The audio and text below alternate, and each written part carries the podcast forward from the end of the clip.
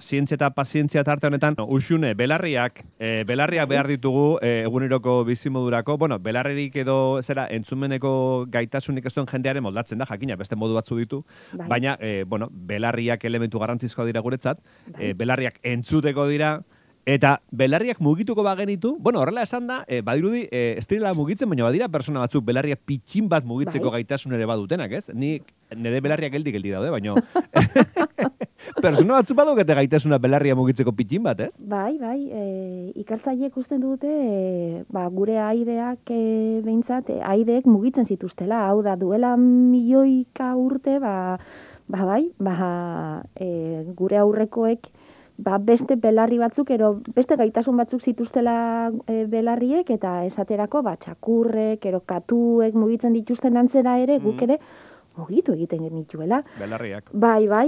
Bueno, ba, zer da gertatzen dena? Ba, alde batetik e, gure deigarria da gure belarriak ba, beste animali batzuekin eta konparatuz gero, ba, gureak ematen dutela grapatuta ditugula, eh? buruaren alboetara, eh? Bai, ikusten badituzue adibidez, ba, txakurrenak, ero erbienak, ero ba, mm. katuenak, ero, ba, bai, e, buruan dituzte, e, batzuk elefanteek adibidez albo batera, baina gainontzekoek gainean, e, buru gainean dituzte, eta bueno, dira apendize batzuk, ero e, lusaki batzuk, non e, ez dira independenteak, baina ba, badituzte horrelako mugimendu autonomoen antzera, ez? Mm Ez dira gurea bezala, ez daude itxatzi eta mugitu egiten dira, ez? Bai. Eta, bueno, ba, e, e, animaliek esaterako, ba, eta guk ere, bueno, baina batez ere, animaliek entzun nahi duten soinu iturrirantz eramaten dituzte belarriak, da, orientatu egiten ah, dituzte. Ah, belarriak e, hori ez, e, entzun nahi duten soinu horretara bai. bideratu edo zuzendu edo orientatu bai, egiten dituzte. orientatu egiten dituzte. Bai eta guk ustez hori ezin dugu egin. Bueno, e, belarrien funtzia zen ja, bueno, ba, soinu energia lokalizatu egiten dute, mm. batu egiten dute soinu energia hori, eta entzumen kanaleruntz bideratu egiten dute, bai? Eta, ba, komentatu dugun moduan, orain arte pentsatu izan da, gizakiok, e, eta baita ere gure zenide evolutibo hurbilek, ez, ba, adibidez, txinpanseek, gorilek, bonoboek, orangutanek eta ba, belarriak orientatzeko gaitasunik ez dugula izan ero galdu egin dugula. Mhm. Baina badira pertsonak, aipatu duzun moduan, eta behar bada agian horretako bat zu izango zara, ba, belarriak, ba, a, e, zikera apur-apur bat bada ere, okertzeko ero alboetara mugitzeko gai direnak ero gaitasuna dutena. Mm. dutenek. Bueno, aldizkari baten, e-life deitzen den aldizkari baten argitaratu zen duela e, hile batzuk azterlan bat, eta bertan, emaitzek adierazten zuten, gizakiok orain dino gai garela belarriak orientatzeko. Bueno, zer esan nahi du, honek? Bueno, ba, e, orain dino ematen du badugula, hor gordetan onbait, muskuluren bat, ero zirkuitu neuronalen bat, hori gaitzen duela. Ikertzaiek esaten dute, bueno, ba, e, ezaugarri bestigial bat dala hau ere izan litekela. Bestigial zer esan nahi du? Bueno, bai. ba, bere funtzio galdu duen zerbaiten astarna ero gelditzen zaigula. Bai? Horrek esan nahi du, nonbait, ba, belarriak orientatzeko gaitasuna mantentzen dugula, naiz eta jada horrek ez duen betetzen, ba, bueno, bere jatorrizko lana ero funtzioa.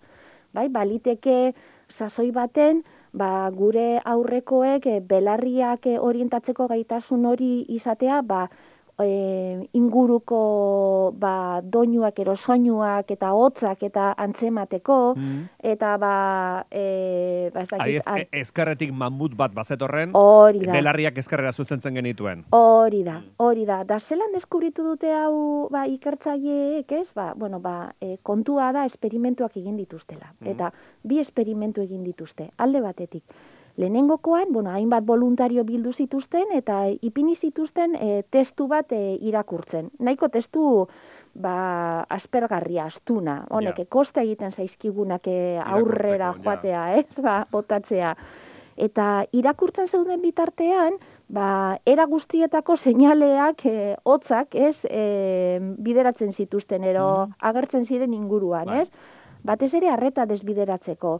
Ba, ipintzen zituzten e, ikertzaieke autoiara baten soinua, klasonotza, kume bat negarrez, eta horrelako ba, zaratak, ez?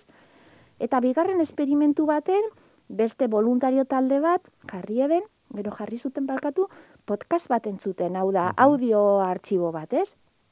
Atsegina, eta, bueno, ba, gozagarria. Bai. Baina, podcasta ero audio hori entzuten zebiltzan bitartean, ba, beste bigarren audio bat atzetik, ez? E, apal jartzen zuten, ez? Eta e, interferentzia moduko bat e, egiteko asmoz. Bai. Kasu biotan, kasu bietan, helburua zan ikertzaileek ikusi nahi zuten ia gure belarrien muskuluen portaera eh? zein zen. Bai. Hau da, keinuren bat, ero mugimentu bat, ero zirkin bat, ero ba, zerbait gertatzen zen, ez? Eta e, arreta ero hotza zetorren tokira, tokirantz mugitu egiten ziren. Muskuloiek. Bai, eta mm. ikusi zuten bi kasuetan, bi esperimentuetan, belarriak mugitzen zituztela e, voluntarioek, e, baina mugimendu txiki niminu ia e, ikusezinak ziren e, mugimenduak egiten zirela.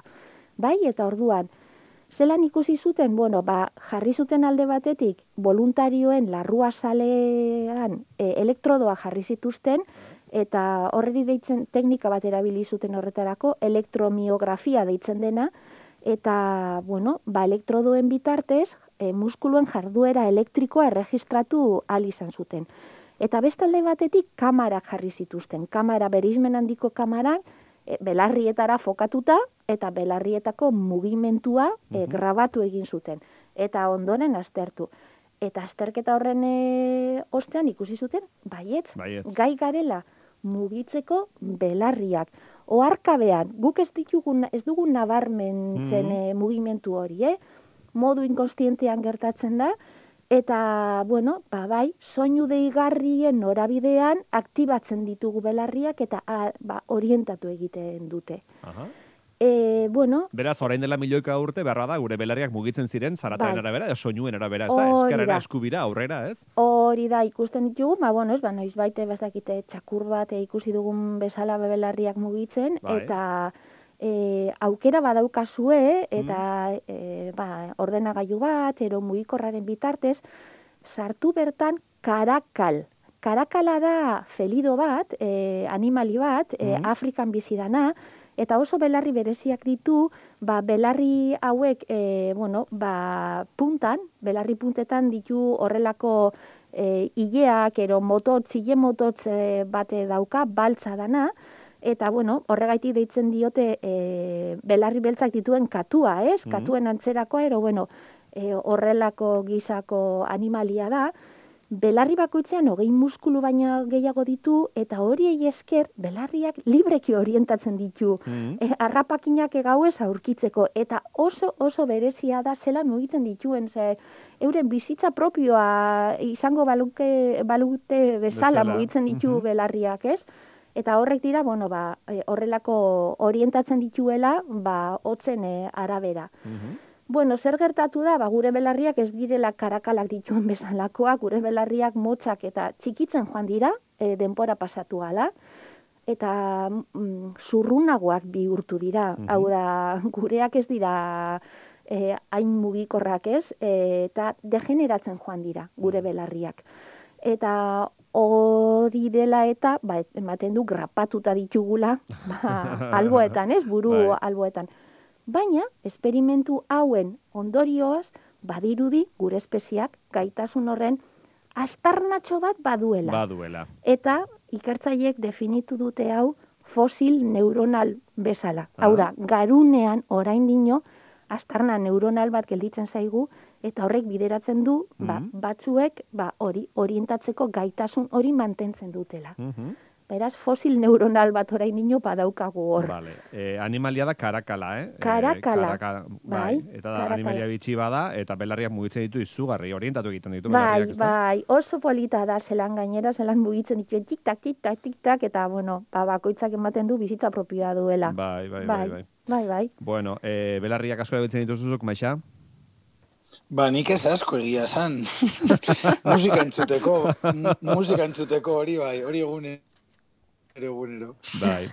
Bueno, eh, atza kontatu genizuen hemen eh, faktoria, nola nasak voluntarioak behar dituen. Voluntarioak zertarako, ba, oetika altxagabe bi hilabete emateko pasatzeko. Ez da zer egin behar, e, oean egon, etzanda altxagabe. Hori egitegatik, amaika mila euro emango dizkizun nasak.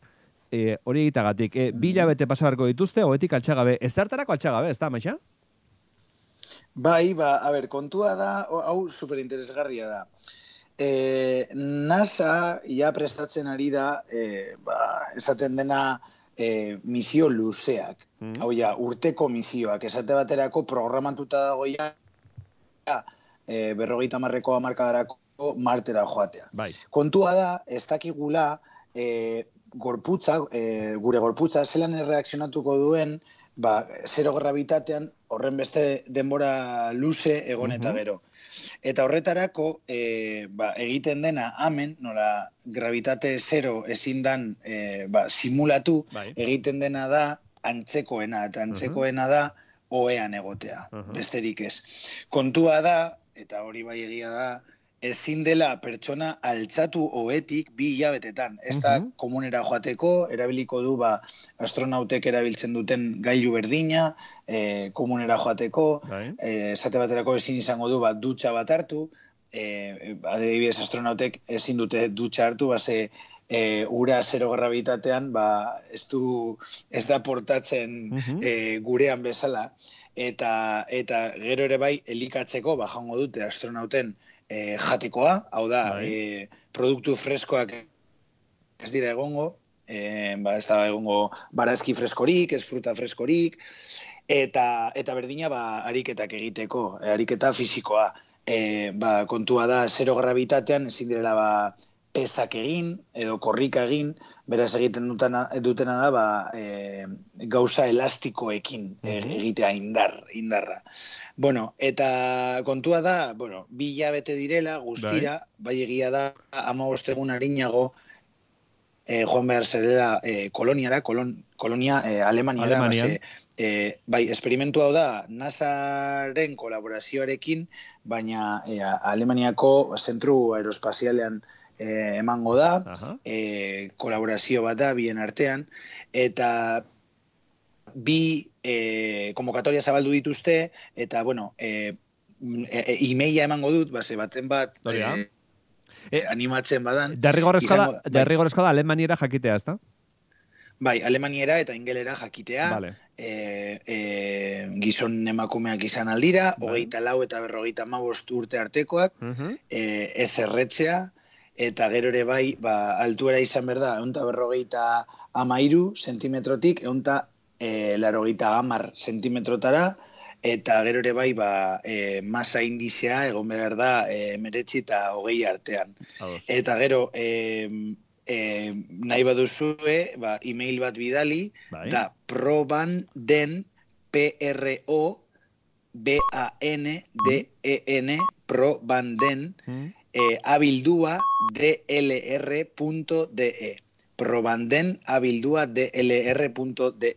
Eta horra email bat bidalita, ba, ba, e, bueno, ba, kontaktuan jarri aldira zurekin, ba, interesa badute parte hartzeko.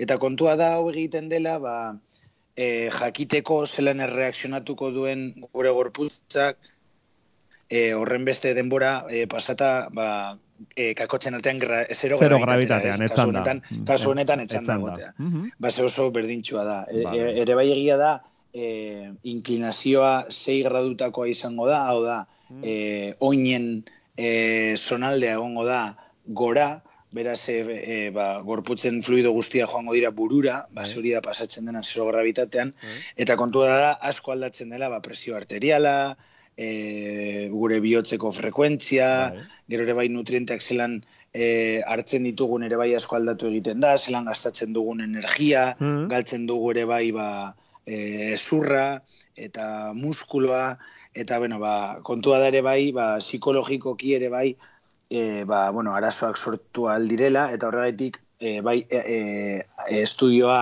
hasi baino lehen, amaboste egun joan behar dira e, parte hartzaileak eta gero estudia bukatu ostean beste 15 egun egon behar dira bertan ba, pizka bat ba, berreskuratzeko aurreko forma. Bai, eta, eta... esan duzu, hau guztia da, espazio bideiak gerota luzeagoa direlako, eta e, gizakiak, gizone emakumeak, gerota denbora gehiago pasako duelako espazioan, e, zero gravitatean, ez da?